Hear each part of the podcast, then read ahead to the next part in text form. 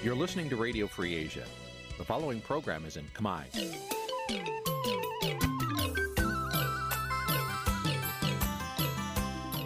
នេះជាកម្មវិធីផ្សាយ Vuthu Azizi Serai នេះជាកម្មវិធីផ្សាយរបស់ Vuthu Azizi Serai ជាភាសាខ្មែរ Vuthu Azizi Serai សូមស្វាគមន៍លោកអ្នកនាងទាំងអស់ពីរដ្ឋធានី Washington នៃសហរដ្ឋអាមេរិក។ បាទពីរដ្ឋធានីវ៉ាស៊ីនតោនខ្ញុំបាទសេកបណ្ឌិតសូមជម្រាបសួរអស់លោកអ្នកនាងកញ្ញាទាំងអស់ជាទីមេត្រីយើខ្ញុំសូមជូនកម្មវិធីផ្សាយសម្រាប់ព្រឹកថ្ងៃពុទ្ធ4កើតខែអាសត់ឆ្នាំថោះបញ្ញស័កពុទ្ធសករាជ2567ត្រូវនៅថ្ងៃទី18ខែតុលាគ្រិស្តសករាជ2023បាទជាដំបូងនេះសូមអញ្ជើញអស់លោកអ្នកនាងស្ដាប់ព័ត៌មានប្រចាំថ្ងៃដែលមានមេតិការដូចតទៅ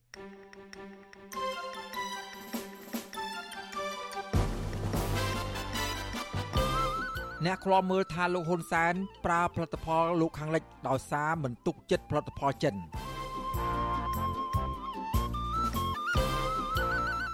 អ្នកវិភាគនយោបាយបារម្ភថាកម្ពុជានឹងធ្លាក់ក្រោមអធិបុលនិងអន្ទាក់បំណុលចិនកាន់តែជ្រៅ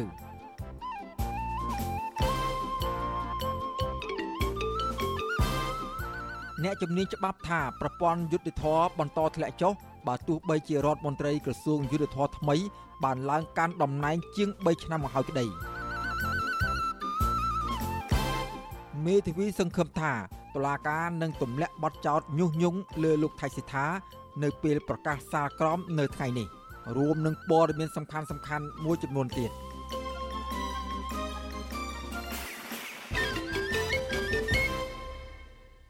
ជាបន្តទៅទៀតនេះខ្ញុំបាទសេកបណ្ឌិតសូមជូនព័ត៌មានពិស្ដា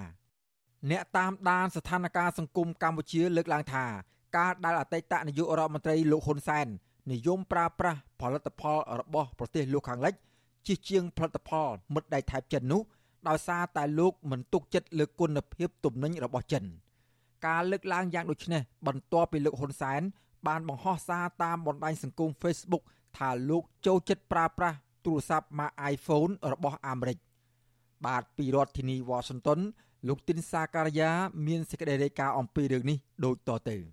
អ្នកតាមដានស្ថានភាពសង្គមលើកឡើងថាការដែលលោកហ៊ុនសែនឆ្លុះវង្វេងនឹងផលិតផលរបស់លោកខាងលិចនេះដោយសារតែលោកហ៊ុនសែនព្រួយបារម្ភខ្លាចមិត្តដៃថៃចិន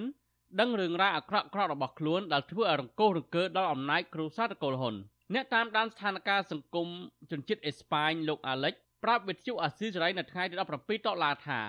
លោកហ៊ុនសែនមិនជឿជាក់លើផលិតផលរបស់ចិននោះទេជាពិសេសទូរស័ព្ទដៃ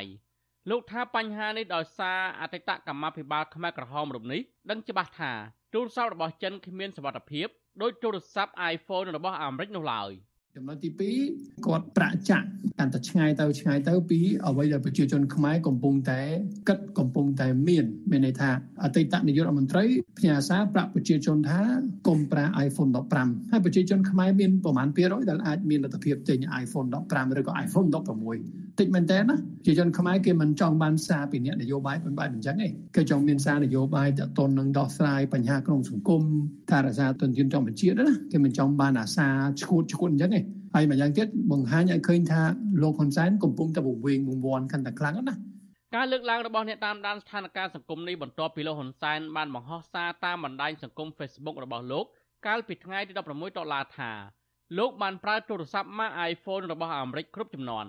ហើយថែមទាំងបានសរសើរទូរស័ព្ទប្រភេទនេះថាជួយការងាររបស់លោកបានយ៉ាងច្រើន ជាងនេះទៅទៀតលោកហ៊ុនសែនថែមទាំងអួតអាងថាលោកបានប្រើទូរស័ព្ទ iPhone ម្ដង4គ្រឿងប៉ុន្តែ iPhone 15ពិបាកប្រើជាងគេតែលោកនៅតែស្រឡាញ់និងចូលចិត្តប្រើប្រាស់ iPhone ដដែលជំវិញនឹងរឿងនេះអ្នកវិភាគនយោបាយលោកកំសុកមានប្រសាសន៍ថា សាររបស់លោកហ៊ុនសែននេះសបញ្ជាក់ឲ្យឃើញថាលោកហ៊ុនសែនលោកហ៊ុនសែនអោបក្រសពចិនសពថ្ងៃនេះ ដើម្បីឲ្យចិនជួយជ្រោមជ្រែងអំណាចគ្រួសារត្រកូលហ៊ុនតែប៉ុណ្ណោះដូច្នេះហើយទើបលោកមិនប្រើផលិតផលរបស់ចិននោះអ្នកវិភាគរូបនេះបញ្ជាក់ថាលោកហ៊ុនសែនមិនទុកចិត្តទូរស័ព្ទរបស់ចិនដែលងាយនឹងគេចូលទៅប្រមូលទិន្នន័យបានដោយងាយស្រួល ខ្លាចចិនដឹងរឿងរបស់គាត់ពីព្រោះក្នុងទំនាក់ទំនងរបស់គាត់មិនស្មោះត្រង់នឹងចិននោះទេគាត់ក៏មានទំនាក់ទំនងយ៉ាងស៊ីជម្រៅជាមួយវៀតណាមដែរហើយទំនាក់ទំនងក្នុងស្ថានភាពបច្ចុប្បន្នគឺប្រើឧបករណ៍បច្ចេកវិទ្យាទូរស័ព្ទនឹងហើយឧទាហរណ៍ថាគាត់ជជែកអ្វីជាមួយមេដឹកនាំវៀតណាមស្រាប់តែចិនប្រមូលទិន្នន័យបានដូច្នេះវាគ្រោះថ្នាក់ដល់គាត់អញ្ចឹងហើយគាត់មិនប្រើទូរស័ព្ទដែលផលិតដោយប្រទេសចិនឬក៏ក្រុមហ៊ុនចិនទេគាត់សុកចិត្តប្រើទូរស័ព្ទ iPhone ដែលផលិតដោយក្រុមហ៊ុនប្រចាំប្រទេសដែលធានានូវភាពសម្ងាត់របស់គាត់ច្រើនជាងក្រៅពីការជ្រើសរើសស៊េរីទូរស័ព្ទទំនើបទំនើបដើម្បីសុវត្ថិភាពហើយនោះលោកហ៊ុនសែនក៏ជាមនុស្សសម្ភារៈនិយមដែរដែលកន្លងមកលោកតែងតែសម្ញែងទ្រព្យសម្បត្តិទំនើបទំនើបជាពិសេសនាឡិកាដៃប្រណិតប្រណិតក្នុងពេលដែលរដ្ឋាភិបាលរបស់លោកជំពាក់បំណុលបរទេសមិនតិចជាង2000លានដុល្លារក្នុងមួយឆ្នាំមួយឆ្នាំលោកមានប្រាក់ខែត្រឹមតែជាង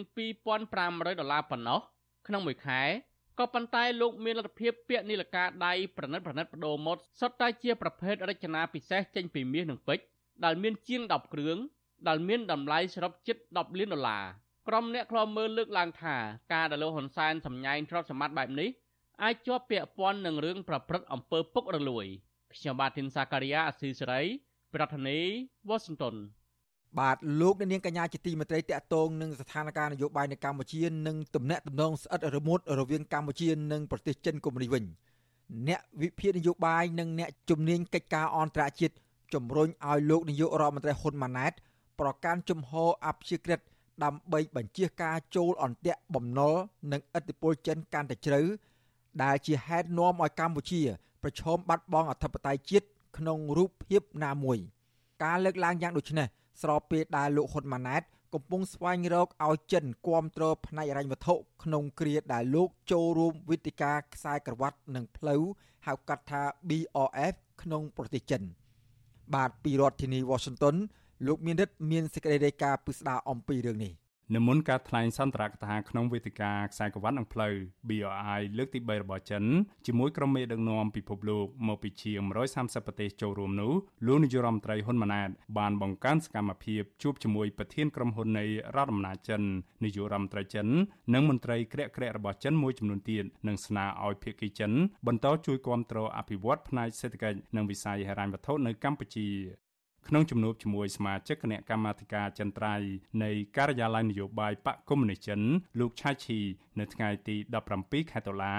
លោកហ៊ុនម៉ាណែតអះអាងតាមទំព័រ Facebook របស់លោកថាក្រុមថ្នាក់ដឹកនាំរបស់ចិន បានបង្ហាញឆន្ទៈគាំទ្រនិងសហការលើយុទ្ធសាស្ត្របញ្ចកោណកម្ពុជា ដែលដឹកនាំដោយរដ្ឋាភិបាលរបស់លោក ភាគីចិនបានរំលឹកប្រាប់លោកហ៊ុនម៉ាណែតដែរថាការដែលចិនបន្តជួយគាំទ្រយុទ្ធសាស្ត្របញ្ចកោណកម្ពុជានេះគឺដោយសារតែប្រទេសចិន បានចូលរួមយ៉ាងសំខាន់ក្នុងការអភិវឌ្ឍកម្ពុជាក្រុមកិច្ចសហប្រតិបត្តិការនៃគម្រោងខ្សែក្រវ៉ាត់និងផ្លូវ BRI របស់ចិននារយៈពេល10ឆ្នាំកន្លងមកនេះទន្ទឹមគ្នានេះក្នុងជំនួបដាច់ដライជាមួយប្រធានធនាគារ Bank of China Group លោកហ៊ុនម៉ាណែតបានសរសើរធនាគារនេះថាបានជួយពង្រឹងប្រព័ន្ធហិរញ្ញវត្ថុនៅកម្ពុជា ជាការឆ្លើយតបប្រធានធនាគារ Bank of China Group បដិញ្ញាថានឹងបន្តកិច្ចសហប្រតិបត្តិការលើវិស័យហិរញ្ញវត្ថុរវាងប្រទេសទាំងពីរនិងជំរុញឲ្យវិនិយោគិនចិនចូលវិនិយោគនៅកម្ពុជាបន្ថែមទៀតកាលពីខែកុម្ភៈកន្លងទៅកម្ពុជាក្រោមការដឹកនាំដោយអតីតនាយករដ្ឋមន្ត្រីលោកហ៊ុនសែនបានរំពឹងម្ដងរួចមកហើយនៅក្នុងការទទួលបានផលប្រយោជន៍ពីប្រទេសចិនលើវិស័យធនាគារនិងហិរញ្ញវត្ថុនេះ លើពីនេះទៀតកម្ពុជាក៏បានបង្ហាញចេតនាក្នុងការចូលរួមនៅក្នុងប្រព័ន្ធទូទាត់សាច់ប្រាក់អន្តរធនាគារឆ្លងព្រំដែនរបស់ប្រទេសចិន ដែលហៅកាត់ថា CIPS ដើម្បីជំរុញការប្រើប្រាស់ប្រាក់យន់ចិននៅលើឆាកអន្តរជាតិអ្នកជំនាញពិនិត្យឃើញថាការដែលកម្ពុជាបង្ហាញចេតនានិងបញ្ជ្រាបខ្លួនចូលក្នុងវិស័យហិរញ្ញវត្ថុរបស់រដ្ឋអំណាចចិនបែបនេះគឺដើម្បីទប់ទល់នឹងទណ្ឌកម្មសេដ្ឋកិច្ចពីបណ្ដាប្រទេសលោកខាងលិច នៅថ្ងៃទី17ខែតុលានាយករដ្ឋមន្ត្រីនៃប្រទេសចិននិងកម្ពុជាក៏បានចុះហត្ថលេខាលើកិច្ចព្រមព្រៀងសំខាន់សំខាន់ចំនួន8ដែលមានជាអាចដូចជាកិច្ចសហប្រតិបត្តិការសមត្ថភាពផលិតការវិនិយោគផ្នែកកម្ចីហិរញ្ញប្បទានគម្រោងផែនការអភិវឌ្ឍទ្វេភាគីក្របខ័ណ្ឌគំនិតប្រួយផ្ដាំខ្សែក្រវ៉ាត់និងផ្លូវ BRI វិស័យអប់រំវិស័យវប្បធម៌និងកិច្ចសហប្រតិបត្តិការតាមមូលដ្ឋានជាដើម។ ក្នុងចំណោមកិច្ចព្រមព្រៀងទាំងនោះគឺផ្នែកកម្ចីហិរញ្ញប្បទានភាគីទាំងពីរមិនបានបង្ហាញទំហំទឹកប្រាក់ជាក់លាក់ដែលកម្ពុជាចុះហត្ថលេខាទទួលប្រាក់កម្ចីពីប្រទេសចិននៅឡើយទេអ្នកអត្ថាធិប្បាយនយោបាយលោកកឹមសុខមើលឃើញថាហេតុផលដែលលោកហ៊ុនម៉ាណែតព្យាយាមអែបអបចិនបែបនេះគឺដោយសារតែលោកហ៊ុនម៉ាណែតបានប្រាជ័យស្ទើរតែទាំងស្រុងជាមួយក្រុមហ៊ុនធំធំនៃបណ្ដាប្រទេសលោកសេរីក្រោយពេលដែលលោកទៅចូលរួមមហាសន្និបាតអង្គការសហជីវជាតិកាលពីចុងខែកញ្ញាកន្លងទៅ លោកកឹមសុខប្រមានថាការដែលរដ្ឋាភិបាលលោកហ៊ុនម៉ាណែតព្យាយាមពឹងពាក់ចិននៅក្នុងវិស័យហិរញ្ញវត្ថុបែបនេះគឺជាសញ្ញាដ៏គួរឲ្យព្រួយបារម្ភមួយសម្រាប់ប្រជាជាតិកម្ពុជា ដែលនឹងបង្កើនភាពស្មុគស្មាញបង្កឲ្យកើតមានវិបត្តិសង្គមនិងទាញឲ្យកម្ពុជាធ្លាក់ចូលអន្ទាក់បំណុលរបស់ចិនកាន់តែជ្រៅ ប៉ុន្តែទោះបីជារដ្ឋាភិបាលហ៊ុនម៉ាណែតប្រឹងសោកខ្លួនចូលប្រព័ន្ធសេដ្ឋកិច្ចហិរញ្ញវត្ថុរបស់ចិនដើម្បីត្រដររស់ក៏មិនប្រកាសថារស់ស្រួលដែរហើយអាចនាំកម្ពុជាជួបវិបត្តិកាន់តែធ្ងន់ធ្ងរទី1ប្រព័ន្ធហិរញ្ញវត្ថុពិភពលោកបច្ចុប្បន្ននៅតែយកលុយដុល្លារអាមេរិកជាបង្អែកទូទាត់ទំនិញមិនមែនលុយយួនរបស់ចិនទេទី2អាចធ្វើឲ្យប្រព័ន្ធហិរញ្ញវត្ថុកម្ពុជាគ្មានស្ថិរភាពពីព្រោះក្រុមហ៊ុនសុចរិតធំធំរួមទាំងក្រុមហ៊ុនរបស់ចិនផងមិនថាតែក្រុមហ៊ុនពីប្រចាំប្រទេសទេមិនទុកចិត្តរដ្ឋាភិបាលចិនលុយយន់របស់ចិនមានស្ថិរភាពឡើយចំណែកឯអ្នកជំនាញផ្នែកវិទ្យាសាស្ត្រនយោបាយនិងកិច្ចការអន្តរជាតិលោកអែមសវណ្ណារាវិញលោកមានប្រសាសន៍ថាការចូលរួមរបស់កម្ពុជានៅក្នុងវេទិកា BRI របស់ចិនអាចទទួលបានផលល្អប្រសើរគឺអាស្រ័យទៅលើរដ្ឋាភិបាលកម្ពុជា មានសមត្ថភាពឆ្លាតវៃនិងមានឆន្ទៈក្នុងការរក្សាជំហរអព្យាក្រឹតរបស់ខ្លួន ក្នុងន័យនេះលោកថាកម្ពុជា គួរតែរកមធ្យោបាយបង្កើនកិច្ចសហប្រតិបត្តិការជាមួយបណ្ដាប្រទេសលោកសេរីតម្កល់ផលប្រយោជន៍ជាតិជាធំ និងដើម្បីរក្សាតុល្យភាពនយោបាយការបរទេសរបស់ខ្លួន និងបញ្ជាសម្ពាធនានាពីអន្តរជាតិ កម្ពុជាយើងអាចរងសម្ពាធមិនអាចគេចផុតទេមិនថាទៅអោបចិនហ្នឹងទាំងអាចគេចផុតពីសម្ពាធលោកខាងលិចទេបើសិនបើយើងតែអៀងទៅចិនឬមិនរក្សាបានកិច្ចព្រមព្រៀងអន្តរជាតិដែលកម្ពុជាចុះហត្ថលេខាដូចជាកិច្ចព្រមព្រៀងអន្តរជាតិទីក្រុងប៉ារីសឆ្នាំ1991ជាដើមដូច្នេះជាកិច្ចការមួយដែលកម្ពុជាគួរតែងាកទៅខាងណាឬក៏ចាប់កសាងសម្ព័ន្ធភាពជាមួយលោកខាងលិចក៏ដោយលោកខាងកើតក៏ដោយត្រូវតែរក្សាឲ្យបានជំហរអព្យាក្រឹតអាចទទួលយកបានពីមហាអំណាចទាំងលោកខាងកើតនិងលោកខាងលិចទើបកម្ពុជាយើងអាចទទួលបានអត្ថប្រយោជន៍ពិតប្រាកដលោកហ៊ុនម៉ាណែតនឹងមានជំនួបទ្វេភាគីជាមួយប្រធានាធិបតីចិនលោកស៊ីជីនពីងហើយលោកក៏នឹងគ្រងថ្លែងសន្ទរកថា ស្ដីអំពីសេដ្ឋកិច្ច Digital ដែលជាប្រភពនៃកំណើនថ្មី នៅថ្ងៃទី18ខែតុលា អ្នកជំនាញភូមិសាស្ត្រនយោបាយនិងអ្នកខ្លំមើលមិនរំពឹងថាបណ្ដាក្រុមមេដឹកនាំជាង130ប្រទេសរួមទាំងកម្ពុជាផង ដែលកំពុងចូលរួមនៅក្នុងវេទិកា BRI របស់ចិនលើកទី3នេះមានសេចក្តីថ្លែងការណ៍រួមនិងហ៊ាននិយាយរិះគន់ខ្លាំងៗទៅលើប្រទេសចិន ដើម្បីឲ្យមានកំណែតម្រង់ថ្មីនៅក្នុងការគិតគូរពីអភិបាលកិច្ចល្អបង្ហាញដំណាភាពនៃការផ្ដល់ប្រាក់កម្ចីនិងបញ្ជាការបំផ្លិចបំផ្លាញធនធានធម្មជាតិនៅក្នុងបណ្ដាប្រទេសក្រីក្រពាក់ព័ន្ធនឹងការអភិវឌ្ឍនៃគម្រោងខ្សែក្រវ៉ាត់និងផ្លូវ BRI របស់រដ្ឋអំណាចចិននេះនោះឡើយខ្ញុំបានមេរិត Visual C ស្រីពីរដ្ឋធានី Washington បាទលោកអ្នកនាងកញ្ញាជាទីមេត្រីតកតងនឹងប្រព័ន្ធយុទ្ធធរនៅប្រទេសកម្ពុជានាពេលបច្ចុប្បន្ននេះវិញអ្នកជំនាញច្បាប់ថាវិស័យយុទ្ធធរបន្តធ្លាក់ចុះបើទោះបីជារដ្ឋមន្ត្រីក្រសួងយុទ្ធធរថ្មី បានឡើងកាន់តំណែងបានជាង3ឆ្នាំមកហើយក្តី ដោយសារតែអំពើពុករលួយ និងបកពួកនិយមមន្ត្រីសង្គមស៊ីវិលស្នើដល់ក្រសួងយុទ្ធភ័ពឲ្យកំណែតម្រង់ជាក់ស្ដែងកុំបានតែទ្រឹស្ដីដើម្បីឲ្យពលរដ្ឋគ្រប់រូបអាចទទួលបានយុត្តិធម៌បាទសូមស្ដាប់សេចក្តីរាយការណ៍របស់អ្នកស្រីស៊ូជីវីអំពីរឿងនេះពីរដ្ឋធានីវ៉ាស៊ីនតោនប្រតិកម្មរបស់អ្នកជំនាញច្បាប់ទាំងនេះក្រោយដែលរដ្ឋមន្ត្រីក្រសួងយុតិធធលោកកើតរិទ្ធ បានលើកឡើងនៅក្នុងមហាសន្និបាតប្រចាំឆ្នាំលើកទី28របស់គណៈមេធាវីកាលពីថ្ងៃទី16ខែតុលាថាក្រសួងយុតិធធនឹងបន្តកែតម្រង់ប្រព័ន្ធយុតិធធតាមទិសដៅអតិភិបរបស់ក្បាលម៉ាស៊ីនដឹកនាំរដ្ឋាភិបាលថ្មីសម្រាប់នីតិកាលទី7នៃរដ្ឋសភានេះការកែតម្រង់ច្បាប់និងប្រព័ន្ធយុតិធធនៅតែជាការងារអតិភិបមួយដ៏សំខាន់របស់រាជរដ្ឋាភិបាលក្រោមការដឹកនាំដ៏ឆ្លៀសវៃនិង និងប៉ិនប្រសពប្រកបដោយកតេបណ្ឌិតរបស់សម្ដេចមហាបវរធិបតីហ៊ុនម៉ាណែតនាយករដ្ឋមន្ត្រីនៃប្រជាណាចក្រកម្ពុជាដោយការងារកែតម្រង់នេះត្រូវបានរៀបចំជាមុំមួយដ៏សំខាន់លោកកើតរិទ្ធថាការកែតម្រង់សំខាន់សំខាន់ក្នុងវិស័យយុត្តិធម៌រួមមានការកែតម្រង់បង្កើតយន្តការដោះស្រាយវិវាទក្រៅប្រព័ន្ធតុលាការការជំរុញនិងពន្យាដោះស្រាយរឿងក្តីនៅតាមតុលាការឲ្យបានឆាប់រហ័ស និងការត្រួតពិនិត្យនិងដោះស្រាយភាពមិនប្រក្រតីនៅតាមតុលាការ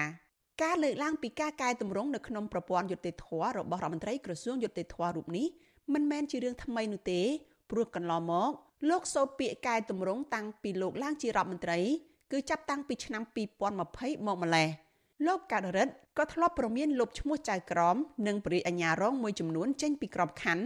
បើពួកគេនៅតែបន្តឈប់សម្រាករាប់ខែគ្មានច្បាប់ទម្លាប់ និងក្រើនរំលឹកការកកស្ទះសំណុំរឿងជាដើមប៉ុន្តែបញ្ហាទាំងនេះនៅតែកើតមានដល់ពេលបច្ចុប្បន្ន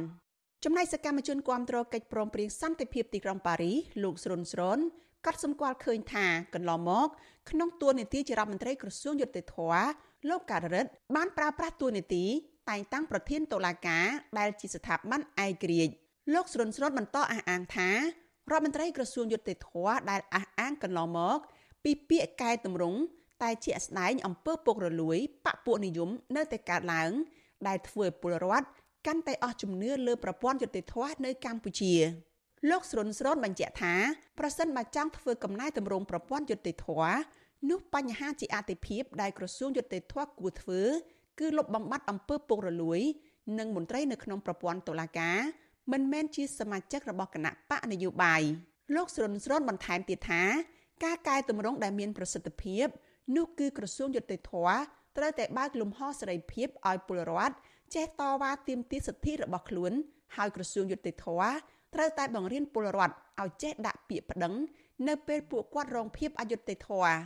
អញ្ចឹងប្រព័ន្ធយុទ្ធសាស្ត្រនៅស្រុកខ្មែរងើបមិនរួចទេបើមិនបញ្ចប់អំពើពុករលួយបើមិនពង្រឹងនីតិរដ្ឋភាពឲ្យមកទៅជាប្រទេសនីតិរដ្ឋប្រជាធិបតេយ្យបើគ្មានគណៈ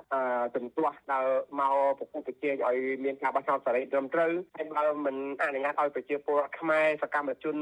នានាមានឱកាសក្នុងការទាមទារតវ៉ាធ្វើបាតកម្មដោយសេរីទេគឺប្រទេសខ្មែរមិនអាចមានយុទ្ធសាស្ត្រទេ បើតាមអ្នកសិក្សាអំពីអំពើពុករលួយអំពើពុករលួយដែលជាមហារាជសង្គមនេះមានច្រើនសន្តានឬច្រើនរូបភាពក្នុងនោះក៏មានអំពើពុករលួយផ្នែកនយោបាយផងដែរនៅកម្ពុជាមន្ត្រីតុលាការជាន់ខ្ពស់ស្ទើរតែទាំងអស់សុទ្ធសឹងជាសមាជិកគណៈបកកណ្ដាលអំណាចជាក់ស្ដែងប្រធានតុលាការកំពូលលោកជីវកេងគឺជាសមាជិកគណៈកម្មាធិការកណ្ដាលនៃគណៈបកប្រជាជនកម្ពុជា ប្រធានសាលាឧទ្ធរភ្នំពេញលោកសេងស៊ីវត្ថា និងប្រធានសាលាដំបងរាជធានីភ្នំពេញលោកតាំងសុនឡាយក៏ជាសមាជិកគណៈបកប្រជាជនកម្ពុជាដែរប្រធានតុលាការទាំងនេះក៏ជាចៅក្រមដែលចូលរួមកាត់ក្តីលើសកម្មជនបកប្រឆាំងអ្នកសារព័ត៌មាន និងសកម្មជនសិទ្ធិមនុស្សដែលការកាត់ក្តីទាំងនោះរងការរិះគន់ថាជាការធ្វើទុកបុកម្នេញផ្នែកនយោបាយប្រធានក្រុមអ្នកច្បាប់អមរិនលោកមេធាវីសុកសំអឿនមានប្រសាសន៍ថាក្រោយការឡើងធ្វើជារដ្ឋមន្ត្រីក្រសួងយុតិធធរយៈពេលជាង3ឆ្នាំមកនេះ លោកការិតមិនបានធ្វើកំណែទម្រង់ប្រព័ន្ធយុតិធធឲ្យបានប្រសើរនោះទេលោកមេធាវីសុកសំអឿនបន្ថែមថា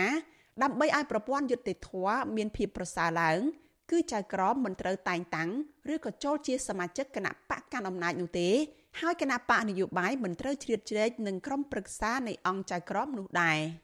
តាមពិតដែលគាត់ជាសមាជិកច្បាប់វាបាត់បង់ឯករាជ្យភាពបាត់ទៅហើយ ក៏តែគាត់ច្បាប់ក្នុងស្រុកយើងចែកក្រមក៏អាចជាសមាជិកគណៈបកណាមួយក៏បានដែរអញ្ចឹងដល់អញ្ចឹងទៅយើងពិបាកនិយាយតែដូច្នេះបើយើងកែតម្រង់គឺគួរកែតម្រង់លុបលុបអាចំណុចហ្នឹងជុំវិញរឿងនេះប្រធានសមាគមការពារសិទ្ធិមនុស្សអាត6លោកនីសុខាមានប្រសាសន៍ថា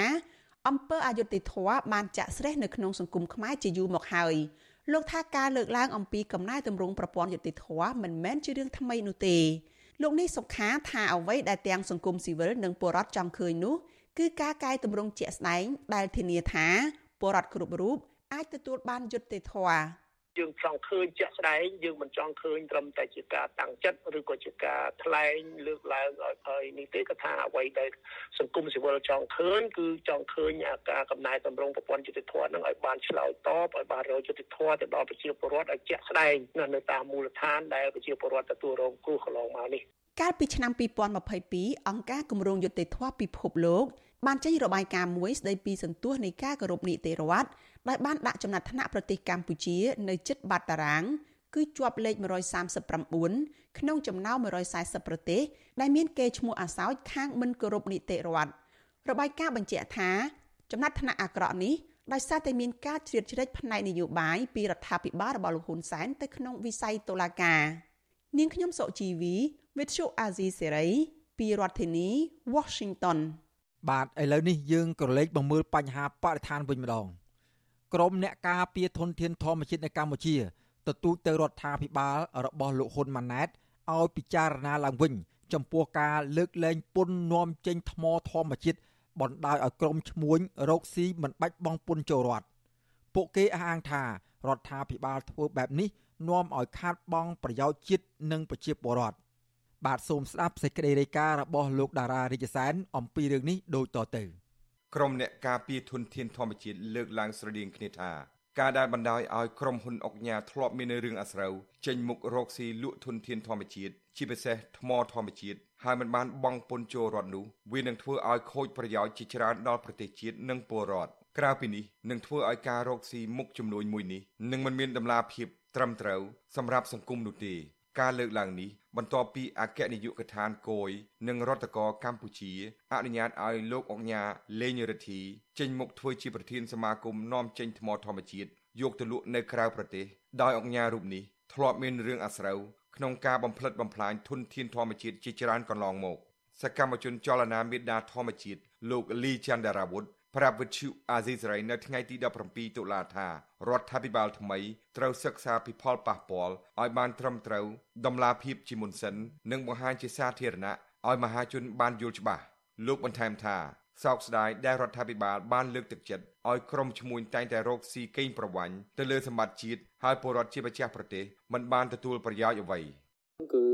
មានអារម្មណ៍ថាអាម៉ាស់នៅពេលដែលទុនធានធម្មជាតិដែលបន្សល់ទុកពីគេដូនតារបស់យើងនឹងត្រូវបានរលាយនៅក្នុងចំនួនរបស់យើងទាំងចំនួនរដ្ឋាភិបាលចាស់ទាំងចំនួនរដ្ឋាភិបាលថ្មីដែលទើបនឹងកើតថ្មីថ្មីនេះយើងឃើញស្រាប់ហើយប្រជាជនមួយចំនួននៅតាមតំបន់ដែលមានព្រៃឈើមានធនធានរ៉ែហ្នឹងគាត់ព្យាយាមការពារធនធានរបស់គាត់តែហើយជាក់ស្ដែងហ្នឹងគឺរដ្ឋាភិបាលព្យាយាមបើកផ្លូវច្បាប់ហ្នឹងឲ្យការរស់ស៊ីរបស់ឈ្មួញហ្នឹងមានលក្ខណៈកាន់តែងាយស្រួលស្រដៀងគ្នានេះដែរ អ្នកស្រាវជ្រាវនិងអ្នកខ្លំមើលធនធានធម្មជាតិនៅកម្ពុជាលោកសេងសុកហេងយល់ឃើញថាការរកស៊ីលើធនធានធម្មជាតិនៅកម្ពុជាកន្លងមកគឺมันមានដំណាភាពនិងมันមានការសិក្សាស្រាវជ្រាវឲ្យបានត្រឹមត្រូវនោះទេក្រៅពីនោះក្រុមហ៊ុនឈ្មួញនិងមន្ត្រីតែងតែខុបខិតគ្នាជាប្រព័ន្ធដោយមិនឃើញមានការទប់ស្កាត់និងចាត់វិធានការពីថ្នាក់ជាតិនោះទេ លោកទទូចទៅរដ្ឋាភិបាលឲ្យគិតគូរឡើងវិញចំពោះការអនុញ្ញាតឲ្យក្រុមឈ្មួញរកស៊ីទៅលើធនធានធម្មជាតិហើយមិនមានការបង់ពន្ធចូលរដ្ឋបែបនេះ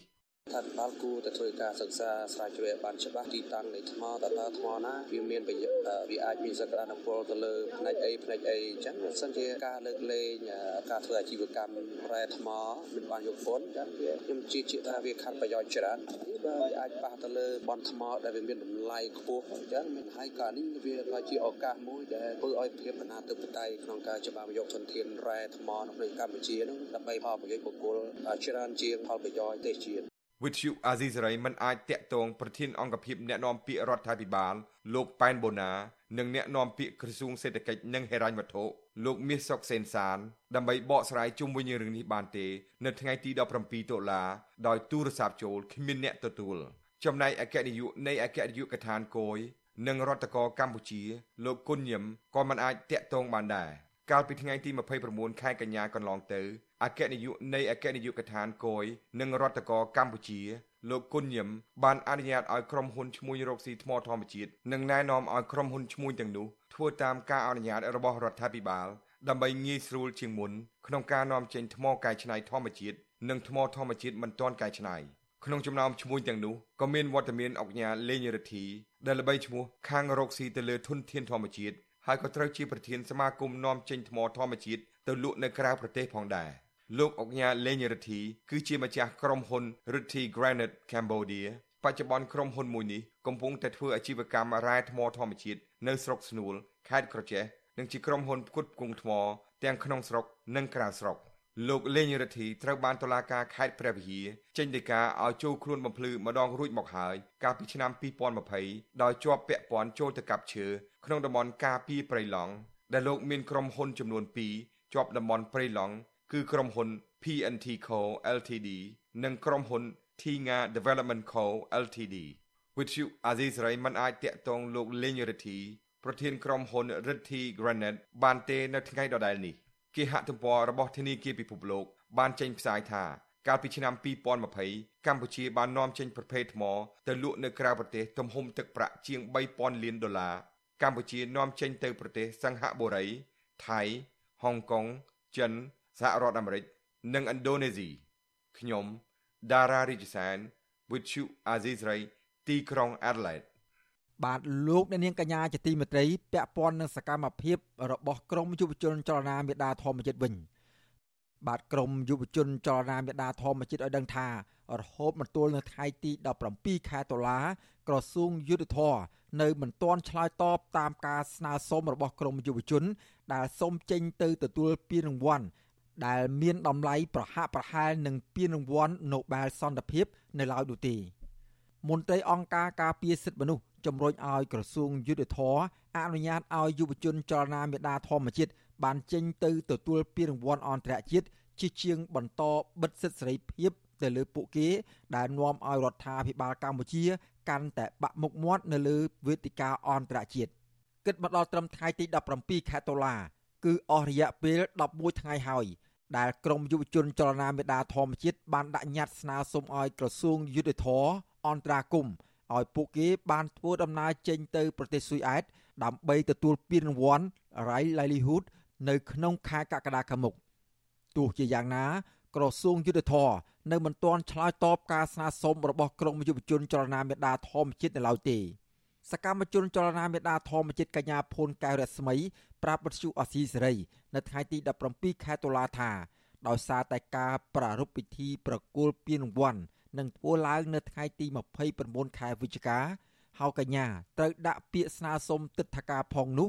ដូច្នេះក្រសួងយុទ្ធភ័ពគួរតែចេញលិខិតអនុញ្ញាតឲ្យកញ្ញា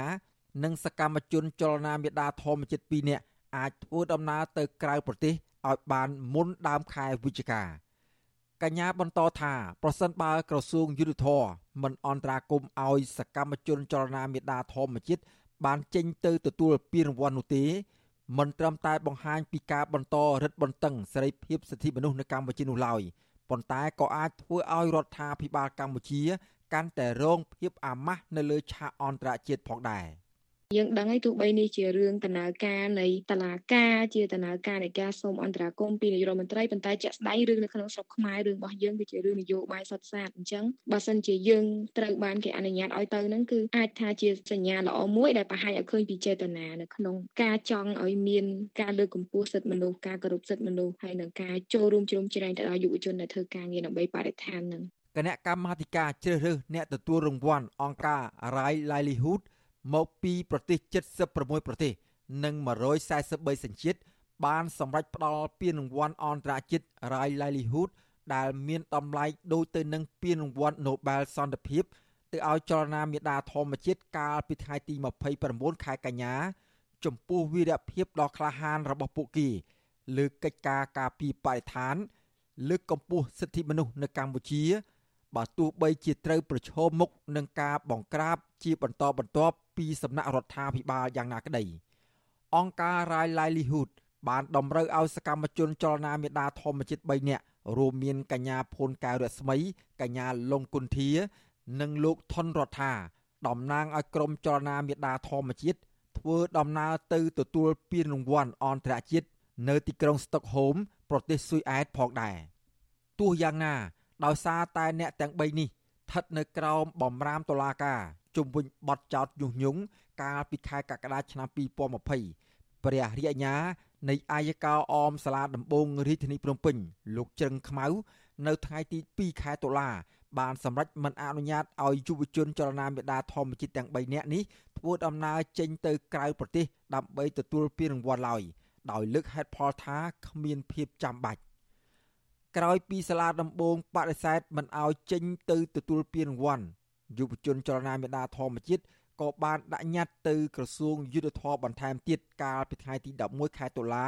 ដើម្បីស្នើឲ្យឧបនាយករដ្ឋមន្ត្រី និងជារដ្ឋមន្ត្រីក្រសួងយុទ្ធភ័ពលោកកើតរិទ្ធ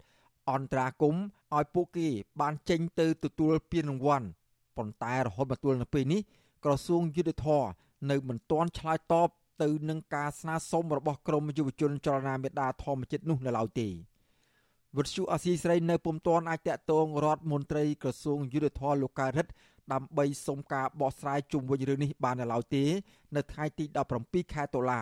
ដោយទូរស័ព្ទចូលប៉ុន្តែពុំមានអ្នកទទួលជុំវិញរឿងនេះនាយកទទួលបន្ទុកកិច្ចការទូតនៃអង្គការឃ្លាំមើលសិទ្ធិមនុស្សលីកាដូលោកអំសំអាតយល់ឃើញថារដ្ឋាភិបាលនឹងមិនទទួលបានផលចំណេញអ្វីនោះឡើយពីការបដិសេធមិនអោយយុវជនចលនាមេដាធម្មជាតិ ទៅទទួលពានរង្វាន់អន្តរជាតិលោកចាត់ទុកការមិនអនុញ្ញាតឲ្យក្រុមយុវជនចលនាមេដាធម្មជាតិធ្វើដំណើរទៅក្រៅប្រទេសដើម្បីទទួលពានរង្វាន់ Rai Livelihood នេះឆ្លុះបញ្ចាំងពីការបន្តរដ្ឋបិទសិទ្ធិសេរីភាព ការងារសង្គមស៊ីវិលនិងសកម្មជនការងារសង្គម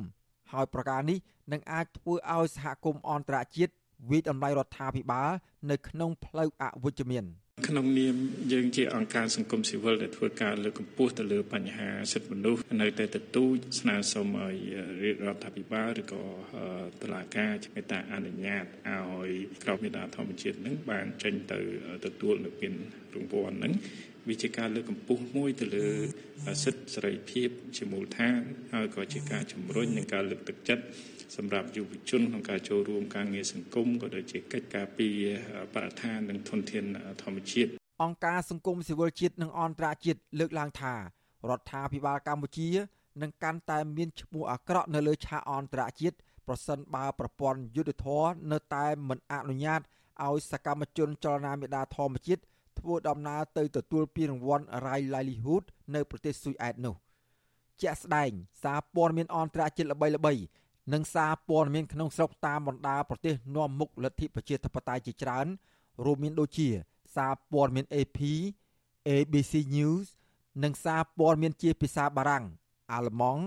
ក៏បានផ្សព្វផ្សាយពីព័ត៌មានស្ដីពីព្រះរាជអាជ្ញាមិនអនុញ្ញាតឲ្យសកម្មជនចលនាមេដាធម្មជាតិទៅទទួលពានរង្វាន់អន្តរជាតិដែលមានតម្លៃដូចទៅនឹងពានរង្វាន់ Nobel សន្តិភាពអន្តរជាតិនេះដែរ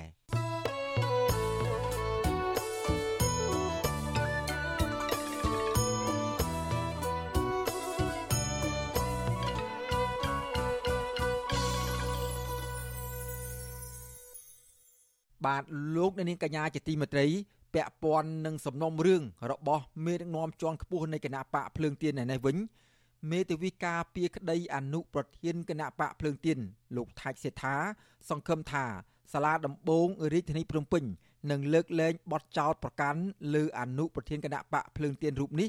នៅថ្ងៃប្រកាសសាលក្រមដែលគ្រោងនឹងធ្វើនៅថ្ងៃនេះ មន្ត្រីអង្គការសង្គមស៊ីវិលស្នើឲ្យរដ្ឋាភិបាលដោះស្រាយបញ្ហានយោបាយដើម្បីបើកលំហសេរីភាពបញ្ចេញមតិរបស់ប្រជាពលរដ្ឋដែលធានាដោយច្បាប់ជាតិនិងអន្តរជាតិបាទយើងសូមប្រកល់នេតិនេះជូនដល់អ្នកស្រីម៉ៅសុធីនីដើម្បីរាយការណ៍អំពីរឿងនេះជូនលោកនាងពីរដ្ឋធានីវ៉ាស៊ីនតោន តឡាការក្រុងភ្នំពេញក្រុងប្រកាសសាលក្រមមួយទៀតរបស់មេដឹកនាំគណៈបកភ្លើងទៀនលោកថាច់សេដ្ឋាក្នុងសំណុំរឿងញុះញង់ចំនួន2នៅថ្ងៃទី18ខែតុលាមេធាវីការពីក្តីឲ្យលោកថាច់សេដ្ឋាគឺលោកសឿនជុំជួនលើកឡើងថាការចាប់ប្រកាន់កូនក្តីរបស់លោក ក្នុងរឿងញុះញង់និងសំណុំរឿងផ្សេងទៀត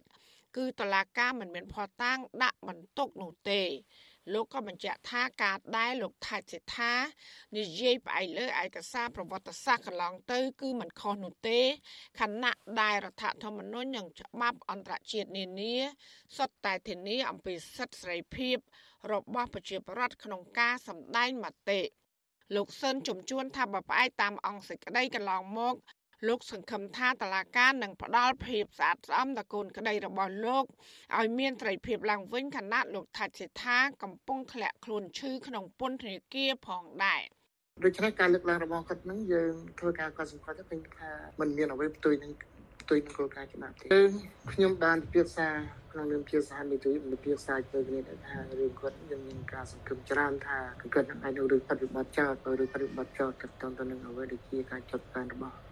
អយកាណាហើយយើងមានតែរងចាំមើលអ្វីដែលជាការពឹងទុករបស់យើងរងចាំមើលថ្ងៃស្អែកកាលពីថ្ងៃទី21ខែកញ្ញាចៅក្រមជំនុំជម្រះនៃសាលាដំបងរាជធានីភ្នំពេញបានលើកយកសំណុំរឿងចោតប្រកាន់លោកថាច់សេដ្ឋាពីបទញុះញង់បង្កឲ្យមានភាពវឹកវរធ្ងន់ធ្ងរដល់សន្តិសុខសង្គមនិងញុះញង់ឲ្យមានការរើសអើងពូជសាសន៍យកមកជំនុំជម្រះ តឡាកាបានយកផតតាំងជាវីដេអូខ្លីមួយពីបណ្ដាញសង្គម YouTube ដែលសមត្ថកិច្ចយកមកប្តឹងដាក់បន្ទុកលើលោកថាច់សេដ្ឋាដោយមិនបានបង្ហាញប្រភពច្បាស់លាស់នោះឡើយ នៅពេលនោះចៅក្រមជំនុំជម្រះអ្នកស្រីឈុនដាវីនិងតំណាងអាយកាលោកសេងហៀងបានចោទសួរលោកថាច់សេដ្ឋាដែលបានលើកឡើងអំពីប្រវត្តិគណៈបកប្រជាជនកម្ពុជាស្ទូបមិត្តភាពកម្ពុជាវៀតណាម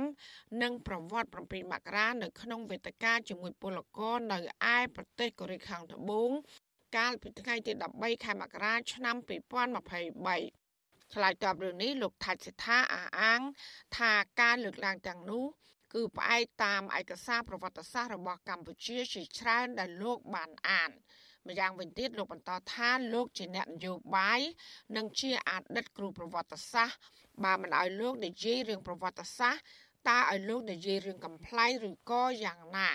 លោកក៏បានបញ្យល់ប្រាប់តឡាការថាពាក្យពហុបកគឺជាពហុគំនិតដោយមិនមែនតតស្របតាមគណៈបកប្រជាជនកម្ពុជានោះទេ លោកសេងហៀងចាត់ទុកការអធិប្បាយរបស់លោកថាច់ស្ថាននេះគឺជាអំពើទុច្ចរិតនិងគោលបំណងបញ្ឆេះកំហឹងដល់ប្រវត្តិឲ្យស្អប់គណៈបកប្រជាជនកម្ពុជារដ្ឋាភិបាល និងមានចេតនាកេងចំណេញនយោបាយក៏ប៉ុន្តែលោកថាច់ស្ថាវិញបញ្ជាក់បន្ថែម ថាការដែលលោកនិយាយពីប្រវត្តិសាស្ត្រដើម្បីឲ្យកូនខ្មែរមានថ្មារតីភ្នាក់រលឹកមានថ្មារតីជាតិនិយមនិងយល់ដឹងអំពីល្បិចកលរបស់ប្រទេសជិតខាងដោយលោកមិនបានញុះញង់និងបង្កអសន្តិសុខសង្គមណាមួយនោះឡើយតាក់ទងរឿងនេះប្រធានសមាគមការពារសិទ្ធិមនុស្សអាត6លោកនីសុខាមានប្រសាសន៍ថាកម្ពុជាប្រកាន់របបលទ្ធិប្រជាធិបតេយ្យសេរីភូប៉ា ដែលផ្ដល់សិទ្ធិសេរីភាពពេញលេញដល់ប្រជារដ្ឋគ្រប់រូបក្នុងការបញ្ចេញមតិយោបល់បើទោះបីជាពួកគេមានទស្សនៈមិនស្របនឹងរដ្ឋាភិបាលក៏ដោយលោកក៏បានបញ្ជាក់ថាសហគមន៍ជាតិនិងអន្តរជាតិនៅតែចាត់ទុកសំណុំរឿងរបស់លោកថាច់សេដ្ឋាពាក់ព័ន្ធនឹងរឿងនយោបាយដោយបន្តជំរុញរដ្ឋាភិបាលថ្មី គួរតែរកមធ្យោបាយដោះស្រាយវិបត្តិនយោបាយដើម្បីបើកលំហសេរីភាព និងប្រជាធិបតេយ្យឡើងវិញ។ ខ្ញុំគិតថារដ្ឋាភិបាលថ្មីគួរតែពិចារណាក្នុងការធ្វើយ៉ាងណាដោះស្រាយបញ្ហាវិបត្តិនយោបាយ គឺថាជំហានដំបូងគឺគេចង់ឃើញអំពីការទម្លាក់ចោលរាល់ការចោទប្រកាន់ទៅលើមេដឹកនាំនយោបាយទាំងអស់មិនមែនតែលោកថៃសិដ្ឋាទេប៉ុន្តែបើថារឿងលោកថៃសិដ្ឋានេះនឹងប្រកាសសាលក្រមខ្ញុំគិតថាគួរតែមានការប្រកាសក្នុងការទម្លាក់ចោលដើម្បីជាប្រធានបទមួយបង្ហាញទៅដល់សហគមន៍អន្តរជាតិថារដ្ឋាភិបាលបានកំពុងតែគិតគូរនិងដោះស្រាយបញ្ហាបើមិនអញ្ចឹងទេរដ្ឋាភិបាលអាចនឹងទទួលការប្រឈមទៅនឹងសម្ពាធផ្សេងៗទៀតទៅថ្ងៃមុខបាទ លោកថាច់សេដ្ឋាមានអាយុ70ឆ្នាំលោកជាប្រធានសហគមន៍ខ្មែរកម្ពុជាក្រោមនិងជាអនុប្រធានគណៈបកភ្លើងទៀនលោកត្រូវបានអាជ្ញាធរក្រុងភ្នំពេញចាប់ខ្លួននៅរាជធានីភ្នំពេញកាលពីថ្ងៃទី16ខែមករាកាលពីព្រឹកថ្ងៃទី21ខែកញ្ញាសាលាដំបងរាជធានីភ្នំពេញបានចេញសារក្រមផ្ដន្ទាទោសលោកថាច់សេដ្ឋាឲ្យជាប់ពន្ធនាគាររយៈពេល18ខែក្នុងសំណុំរឿងទី1 តាក់ទងនឹងការចេញសាច់ស្អុយឬសាច់អត់ប្រាក់ប៉ុន្តែការចាប់ខ្លួននិងចាប់ប្រកាន់លើលោកថាច់សិដ្ឋាជាបន្តបន្ទាប់មកនេះត្រូវបានអ្នកការពារសិទ្ធិមនុស្សរីគុណហើយទាមទាររដ្ឋាភិបាលដោះលែងលោកថាច់សេដ្ឋានិងអ្នកទោសមនសិការដែលកំពុងជាប់ឃុំក្រោមហេតុផលនយោបាយនោះឲ្យមានត្រីភាពដោយឥតលក្ខខណ្ឌចាននាងខ្ញុំម៉ៃសុធានីវិទ្យុអសីស្រីប្រធានាធិបតី Washington បាទលោកអ្នកនាងកញ្ញាជាទីមេត្រីក្រសួងសុខាភិបាលកាលពីល្ងាចថ្ងៃទី17ខែតុលាម្សិលមិញបានសម្រេចបិទមន្ទីរពេទ្យឈ្មោះ Metro OLV តាក់ទងនឹងការបញ្ជូនអ្នកជំងឺទៅវះកាត់បដូរសរីរាង្គតម្រងនោមនៅឥណ្ឌាសេចក្តីសម្រេចនេះចេញនៅក្រៅពេលដែលក្រសួងសុខាភិបាលរកឃើញថាមន្ទីរពហុព្យាបាលឯកជនមួយនេះបានប្រព្រឹត្តខុសច្បាប់ ដោយបានបញ្ជូនអ្នកជំងឺពីកម្ពុជាទៅរកសេវាវះកាត់បដូរសរីរាង្គតម្រងនោមឬហៅជាទូទៅថាបដូរក្រលៀននៅប្រទេសឥណ្ឌាក្រសួងសុខាភិបាលចាត់ទុកទង្វើនេះថាធ្វើឡើងផ្ទុយនឹងច្បាប់ស្តីពីការគ្រប់គ្រងបរិច្ចាគការផ្សំកោសិកាជាលិកានិងសរីរាង្គមនុស្សបើទោះជាយ៉ាងណាចំណាត់ការរបស់ក្រសួងសុខាភិបាលនេះមិនបានបញ្ជាក់ថានឹងមានវិធានការផ្លូវច្បាប់ទៅលើម្ចាស់ ឬអ្នកទទួលខុសត្រូវនៃមន្ទីរពហុព្យាបាលនេះដែរឬក៏យ៉ាងណានោះទេចំណាត់ការបិទទ្វារមន្ទីរពហុព្យាបាល Metro RLV នេះធ្វើឡើងបន្ទាប់ពីមានពលរដ្ឋមួយចំនួន បានបង្ហោះសារនៅលើទំព័រ Facebook ប្រកាសស្នើសុំជំនួយពីនាយករដ្ឋមន្ត្រីហ៊ុនម៉ាណែតថាអ្នកជំងឺចំនួន18នាក់បានចាញ់បោកឈ្មោះង៉ែតសំអូន ជាអគ្គនាយកមន្ទីរពេទ្យមេត្រូ និងឈ្មោះទូចរិទ្ធយា ជាអគ្គនាយករងមន្ទីរពេទ្យដដែលនេះ ដែលធានាក្នុងការព្យាបាលនៅប្រទេសឥណ្ឌាសារនៅលើបណ្ដាញសង្គមឲ្យដឹងទៀតថាពួកគេបានទៅស្នាក់នៅប្រទេសឥណ្ឌារយៈពេលជាច្រើនខែហើយតែនៅមិនទាន់បានការព្យាបាលដែលប្រឈមនឹងការអស់ថវិកានិងអាចបាត់បង់ជីវិតថែមទៀតផង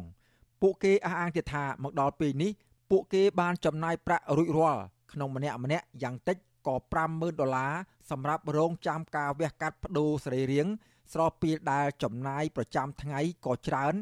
ឯស្ថានភាពជំងឺកាន់តែធ្ងន់ធ្ងរវិទ្យុអាស៊ីសេរីនៅពុំទាន់អាចសុំការឆ្លើយតបពីអ្នកនាំពាក្យក្រសួងសុខាភិបាល ពីការស្នើសុំជំនួយរបស់អ្នកជំងឺដែលត្រូវមន្ទីរពហុព្យាបាលមេត្រូបញ្ជូនពួកគេទៅរកសេវាវះកាត់បដូរសរីរាង្គនិងកំពុងជួបបញ្ហានៅប្រទេសឥណ្ឌានេះបាននៅឡើយទេ នៅយប់ថ្ងៃទី17ខែតុលា វិទ្យុអស៊ីសេរីក៏ពុំទាន់អាចសុំការបកស្រាយពីម្ចាស់មន្ទីរពហុព្យាបាលមេត្រូ RLV ដើម្បីឆ្លើយតបនឹងការចោទប្រកាន់របស់អ្នកជំងឺនិងសេចក្តីសម្រេចរបស់ក្រសួងសុខាភិបាលក្នុងការបិទ clinic នេះឡើយដែរនៅថ្ងៃដដែលនេះមន្ទីរពហុព្យាបាលមេត្រូ RLV មានទីតាំងនៅផ្ទះលេខ68ផ្លូវលេខ271សង្កាត់អូបៃក្អមខណ្ឌសែនសុខមានច្បាប់បើកដំណើរការ ចេញដោយក្រសួងសុខាភិបាល កាលពីខែធ្នូឆ្នាំ2022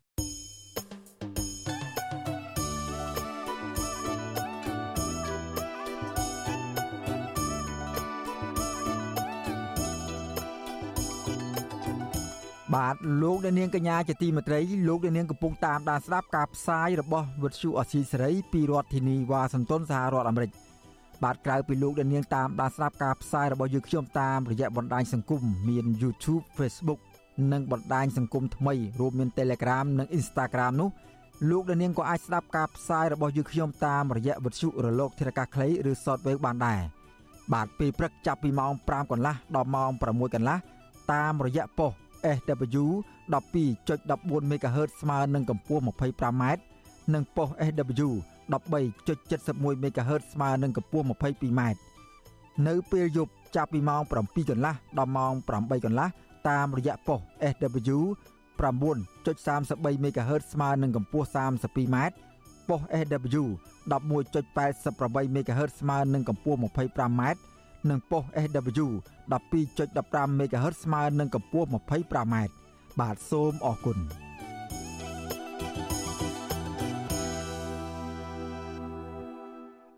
បាទលោកនាងកញ្ញាជាទីមេត្រីតកតងនឹងដំណឹងអំពីការជួញដូរមនុស្សនៅក្នុងប្រទេសឡាវឯនោះវិញអាញាធរថានៅមិនទាន់បានទទួលព័ត៌មានអំពីស្ត្រីម្នាក់ដែលត្រូវបានគេជួញដូរនៅក្នុងប្រទេសឡាវនោះនៅឡើយទេក៏ប៉ុន្តែជនសង្ស័យចំនួន2នាក់ដែលជាបណ្ដាញនៃក្រុមជួញដូរមនុស្សត្រូវបានអាជ្ញាធរឃាត់ខ្លួនហើយ មន្ត្រីអង្គការសង្គមស៊ីវិលថាអាជ្ញាធរគួរតែបង្កើនទំនាក់ទំនងរវាងកម្ពុជានិងឡាវដើម្បីអន្តរាគមន៍ជួយសង្គ្រោះស្ត្រីម្នាក់នោះដែលនៅមិនទាន់មានព័ត៌មានជៀសវាងអ ுக ្រិតជនជួញដូរនាងបន្តទៅទៀតបាទលោកទីនសាការីយ៉ាមានសេចក្តីរាយការណ៍ដាច់ដライមួយទៀតអំពីព័ត៌មាននេះជូនលោកនាងពីរដ្ឋធានី Washington អញ្ញាធិលើកឡើងថាស្ត្រីម្នាក់កំពុងមានបញ្ហាសុខភាពដែលគេជួញដូរនៅតំបន់ត្រីកោណមាសក្នុងប្រទេសឡាវ នៅមិនទាន់មានព័ត៌មានអ្វីពីនាងនោះទេអស់រយៈពេលជាង2សប្តាហ៍មកហើយក្រោយពីអាជ្ញាធរបានជួយសង្គ្រោះស្ត្រី6នាក់ផ្សេងទៀតកាលពីថ្ងៃទី30កញ្ញាអនុប្រធានអចិន្ត្រៃយ៍នៃគណៈកម្មាធិការជាតិប្រយុទ្ធប្រឆាំងអំពើជួញដូរមនុស្សអ្នកស្រីជួបបណ្ដេងប្រាប់វិទ្យុអាស៊ីសេរីនៅថ្ងៃទី17ដុល្លារថាអ្នកស្រីនៅមិនទាន់ទទួលបានព័ត៌មានពីស្ត្រីម្នាក់ដែលត្រូវបានជួញដូរនៅប្រទេសឡាវនៅឡើយទេ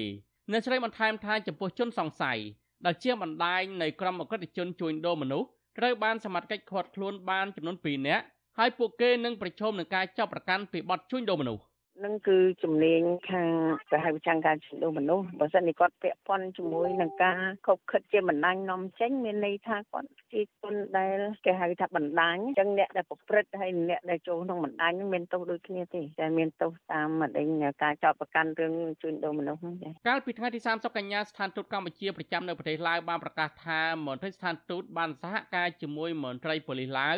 នៅតំបន់ត្រីកោណមាសរកឃើញទីតាំងនិងជួយសង្គ្រោះស្ត្រីខ្មែរបាន6នាក់ចំពោះស្ត្រីខ្មែរម្នាក់ទៀតដែលមិនអាចរត់ចេញពីកន្លែងឃុំឃាំងបាននោះដោយសារមានបញ្ហាសុខភាពប៉ូលីសឡាវនឹងខិតខំជួយសង្គ្រោះនៅពេលខាងមុខក៏ប៉ុន្តែមកទល់ថ្ងៃទី17ដុល្លារអាជ្ញាធរនៅមិនទាន់ទទួលបានព័ត៌មានពីស្ត្រីម្នាក់នោះឡើយទេទោះជាយ៉ាងណាប្រធានអង្គការសម្ព័ន្ធភាពការពារសិទ្ធិមនុស្សកម្ពុជាហៅកាត់ថាច្រាក់លោករស់ស្ថានមានប្រសាសន៍ថា អាញាធរគួរតែពន្លឿនការស្វែងរកស្ត្រីខ្មែរម្នាក់នោះជៀសវាងអក្រិតជនជួញដូរនាងបន្តទៅកន្លែងផ្សេងទៀតដែលពិបាកក្នុងការជួយសង្គ្រោះបញ្ញាដៃបញ្ញាជើងណាកិច្ចការហ្នឹងវាមិនដឹងថាធ្លាក់ទៅយ៉ាងម៉េចទៀតអាហ្នឹងគឺថាការសង្គ្រោះមិនតាន់ជារឿងចាំបាច់ណាអាហ្នឹងគឺថាត្រូវធ្វើការជាបន្ទាន់គឺថាបញ្ញាដៃបញ្ញាជើងទាំងយប់ទាំងថ្ងៃណាសិក្សាស្រាវជ្រាវនឹងរឿងបានល្អន់បាទបើមិនចឹងទេខ្លាចវានឹងធ្លាក់ទៅណាទៀតជួញដូរទៅណាទៀតឬក៏ទៅទុកបុកមិនអីយើងអត់ដឹងណាបាទ មន្ត្រីសង្គមស៊ីវិលស្នើដល់អាជ្ញាធរបន្តស្រាវជ្រាវរកស្ត្រីរងគ្រោះម្នាក់ទៀតនិងវែកមុខរកជនល្មើសមកប្រន្ទាទោសតាមផ្លូវច្បាប់ខ្ញុំបាទទីនសាការីយ៉ាអស៊ីសេរីប្រធានីវ៉ាស៊ីនតោនបាទលោកនាងកំពុងតាមដានស្ដាប់ការផ្សាយរបស់វិទ្យុអស៊ីសេរីពីរដ្ឋធានីវ៉ាស៊ីនតោនសហរដ្ឋអាមេរិកសង្គមស៊ីវិលបារម្ភពីការចែករំលែករូបភាពអាហាភាសនិងសេវាកម្មផ្លូវភេទយ៉ាងអនាធបត័យតាមរយៈបណ្ដាញទំនាក់ទំនងសង្គម។ នឹងធ្វើឲ្យករណីរំលោភខ្សែសន្តិវៈកាន់តែមានចំនួនច្រើនឡើង ដែលធ្វើឲ្យប៉ះពាល់ដល់តម្លៃនិងសុវត្ថិភាពរបស់ស្ត្រីពួកគាត់ស្នើសុំឲ្យរដ្ឋាភិបាលមានចំណាត់ការលើបញ្ហានេះដើម្បីការពារស្ត្រី និងលើកកម្ពស់តម្លៃសិលធម៌សង្គមឡើងវិញ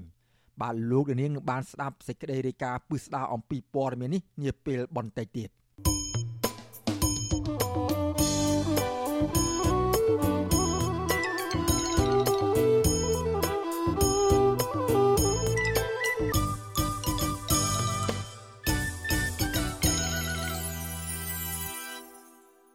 បាទលោកអ្នកនាងកញ្ញាជាទីមេត្រីសេចក្តីរាយការណ៍ពីខេត្តបន្ទាយមានជ័យឯនោះវិញបានឲ្យដឹងថាប្រជាពលរដ្ឋរងគ្រោះដោយសារគម្រោងផ្លូវរថភ្លើងខេត្តបន្ទាយមានជ័យកាលពីថ្ងៃទី17ខែតុលា បន្តចេញមុខតវ៉ាជាលើកទី124នៅខាងមុខសាលាក្រុងប៉ោយប៉ែតដើម្បីឲ្យអាជ្ញាធររកដំណោះស្រាយប្រជាពលរដ្ឋរងគ្រោះលោកឆេងប៊ុនហាក់ដែលក្នុងពេលតវ៉ាបានគូសមុខដោយទឹកថ្នាំពណ៌ស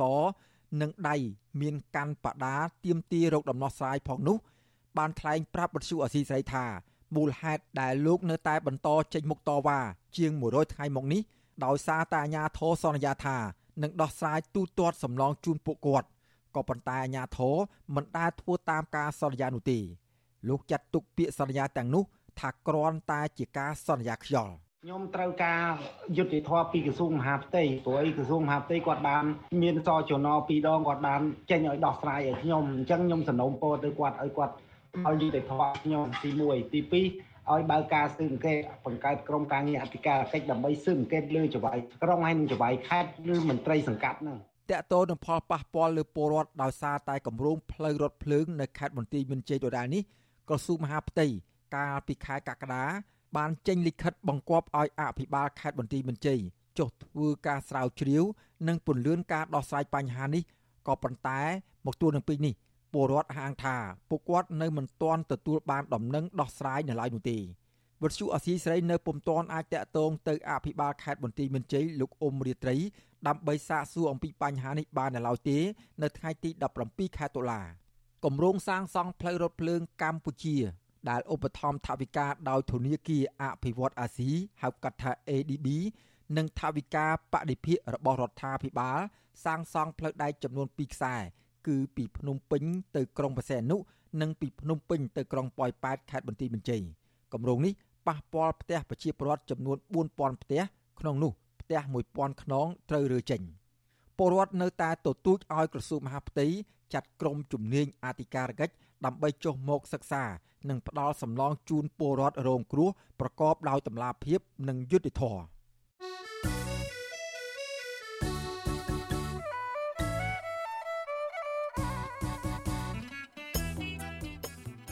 បាទលោកនាងកញ្ញាជាទីមេត្រី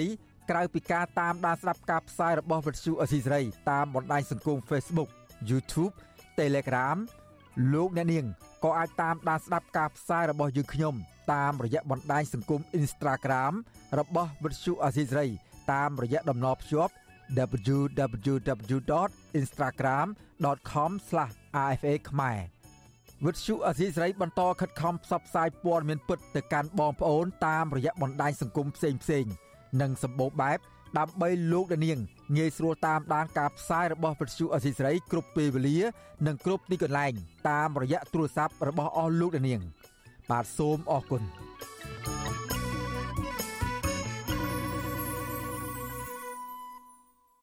បាទលោកនាងកញ្ញាជាទីមេត្រី អង្គការសង្គមស៊ីវិលបារម្ភពីការចែករំលែករូបភាពអាហារភានិងសេវាកម្មផ្លូវភេទយ៉ាងអនាធបត័យតាមរយៈបណ្ដាញទំនាក់ទំនងសង្គមពួកគាត់បារម្ភថា សកម្មភាពទាំងនេះនឹងធ្វើឲ្យករណីរំលោភខ្សែសន្តិវៈកាន់តែមានចំនួនច្រើនឡើង ដែលធ្វើឲ្យប៉ះពាល់ដល់តម្លៃនិងសវត្ថិភាពរបស់ស្ត្រីពួកគាត់ស្នើសុំឲ្យរដ្ឋាភិបាលមានចំណាត់ការលើបញ្ហានេះដើម្បីការពារស្ត្រី និងលើកកម្ពស់តម្លៃសិលធម៌សង្គមឡើងវិញបាទពីរដ្ឋធានី Washington អ្នកស្រីសូជីវី មានសេចក្តីរាយការណ៍ពិស្ដារអំពីរឿងនេះដូចតទៅ ការចែកចាយរូបភាពអះអាភាសនិងការលក់សេវាកម្មផ្លូវភេទនៅក្នុងពេលបច្ចុប្បន្នកំពុងតែមានសកម្មភាពនៅលើបណ្ដាញទំនាក់ទំនងសង្គមប្រៀបបាននឹងការដាក់លក់ទំនិញឬសេវាកម្មដទៃទៀតដូច្នោះដែរអ្នកសម្របសម្រួលកម្មវិធីអប់រំនិង Gender នៃអង្គការ Confrel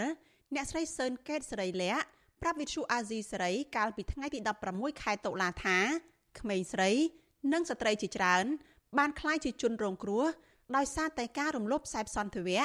មិនថានៅផ្ទះនៅកន្លែងការងារឬនៅទីសាធារណៈដទៃទៀតដែលវាជាផលជះមួយផ្នែកបណ្ដាលមកពីការចែកចាយមើលរូបភាពអះអាភាសដោយសេរីនៅលើបណ្ដាញសង្គមអ្នកស្រីបន្តថាភាពស្រើបស្រាលចេញពីរូបភាពឬក៏វីដេអូទាំងនោះធ្វើឲ្យអ្នកមើលជាពិសេសមនុស្សប្រុសមានចំណងផ្លូវភេទ និងអាចចាប់ផ្ដើមប្រព្រឹត្តទង្វើមិនសមរម្យខណៈវាក៏ធ្វើឲ្យប៉ះពាល់ទៅដល់អារម្មណ៍និងការសិក្សារបស់យុវវ័យផងដែរ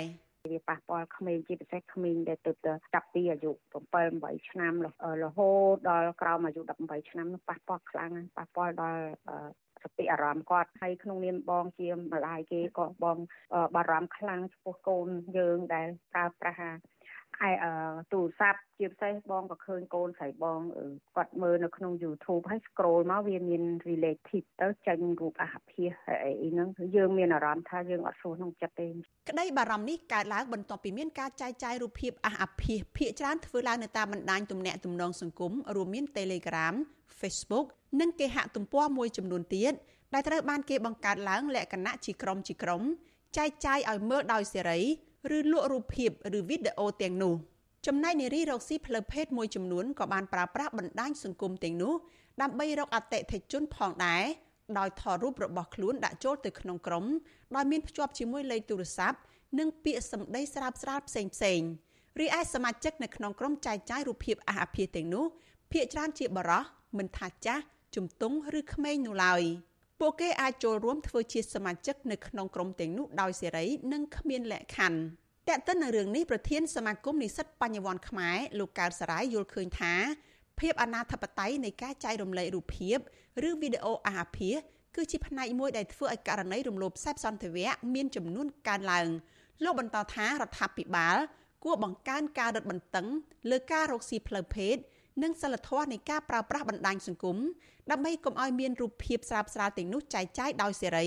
ហើយលេចធ្លាយទៅដល់ភ្នែកយុវជននិងក្មេងជំទង់។ ពួកយើងត្រូវការបណ្ដុះយុវជនធនធានមនុស្សល្អល្អហើយដើម្បីធានាសុខសុវត្ថិភាពនៃសន្តិសុខសង្គមឲ្យល្អដែរដូច្នេះការដែលគ្រប់គ្រងឲ្យបាននៅការធ្វើឲ្យមានរូបភាពអាហារភាសជាសាធារណៈដែលអាចនឹងធ្វើប៉ះពាល់ដល់សតិអារម្មណ៍យុវជនក្មេងៗអីជាដើមនោះជារឿងមួយដែលត្រូវតែធ្វើការរឹតបន្តឹង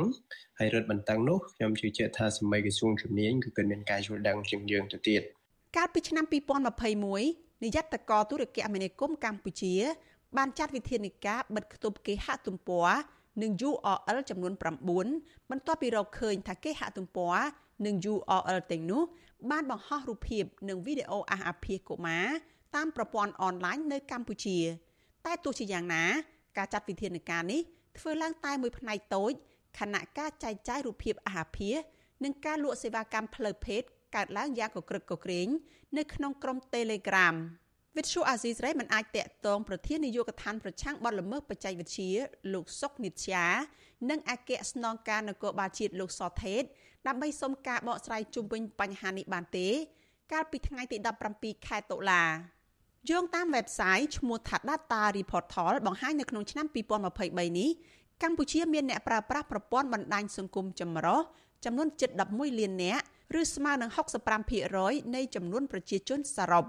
ក្នុងនោះអ្នកប្រើប្រាស់ប្រព័ន្ធបណ្ដាញសង្គម Telegram ជាង10លាននាក់ Facebook មានចំនួន10លាននាក់ Instagram ជាង1លាននាក់និង TikTok ជាង7លាននាក់ជុំវិញរឿងនេះប្រធានសមាគមការពារសិទ្ធិមនុស្សអាត6លោកនីសុខាលើកឡើងថា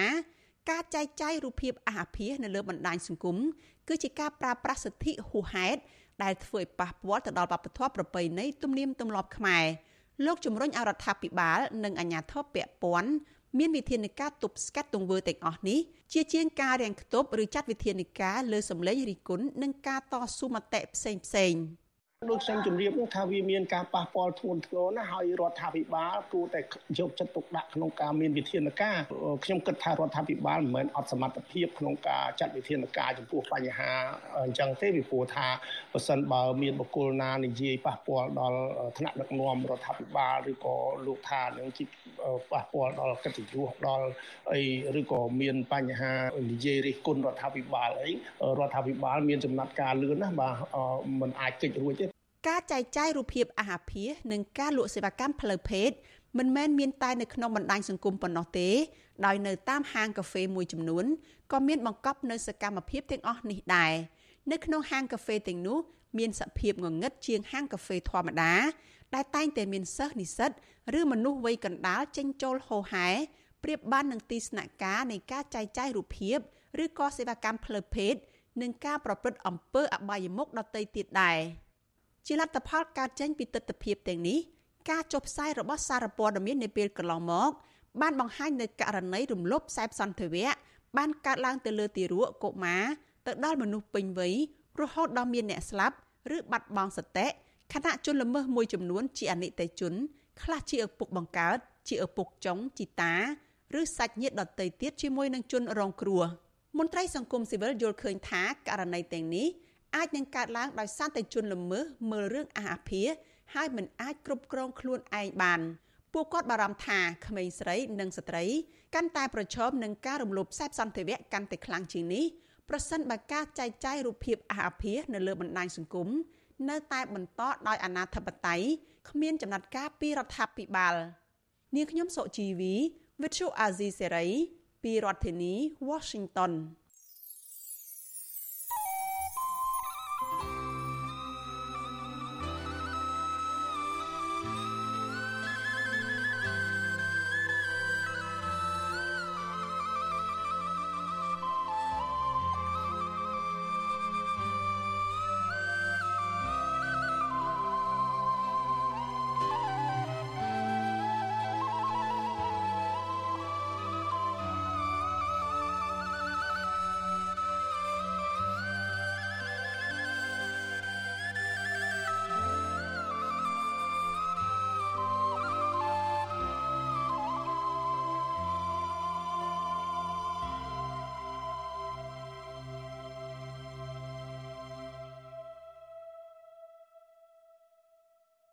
បាទលោកអ្នកនាងកញ្ញាជាទីមេត្រីការផ្សាយរបស់វិទ្យុអសីសេរីសម្រាប់ព្រឹកនេះចប់តែប៉ុណ្ណេះយើងខ្ញុំសូមថ្លែងអំណរគុណយ៉ាងជ្រាលជ្រៅចំពោះអស់លោកអ្នកនាងដែលនៅតែមានភក្ដីភាពតាមដានស្ដាប់ការផ្សាយរបស់វិទ្យុអសីសេរីតាំងពីដើមរហូតដល់ចប់ហើយយើងខ្ញុំសូមប្រសិទ្ធពរជ័យដល់អស់លោកអ្នកនាងឲ្យជួបប្រកបតែនឹងសេចក្តីសុខចម្រើនរុងរឿងកំបីគ្លៀងគ្លាតឡើយខ្ញុំបាទសេកបណ្ឌិត ព្រមទាំងក្រុមការងារទាំងអស់របស់វិទ្យុអសីសេរីសូមអរគុណនិងសូមជម្រាបលា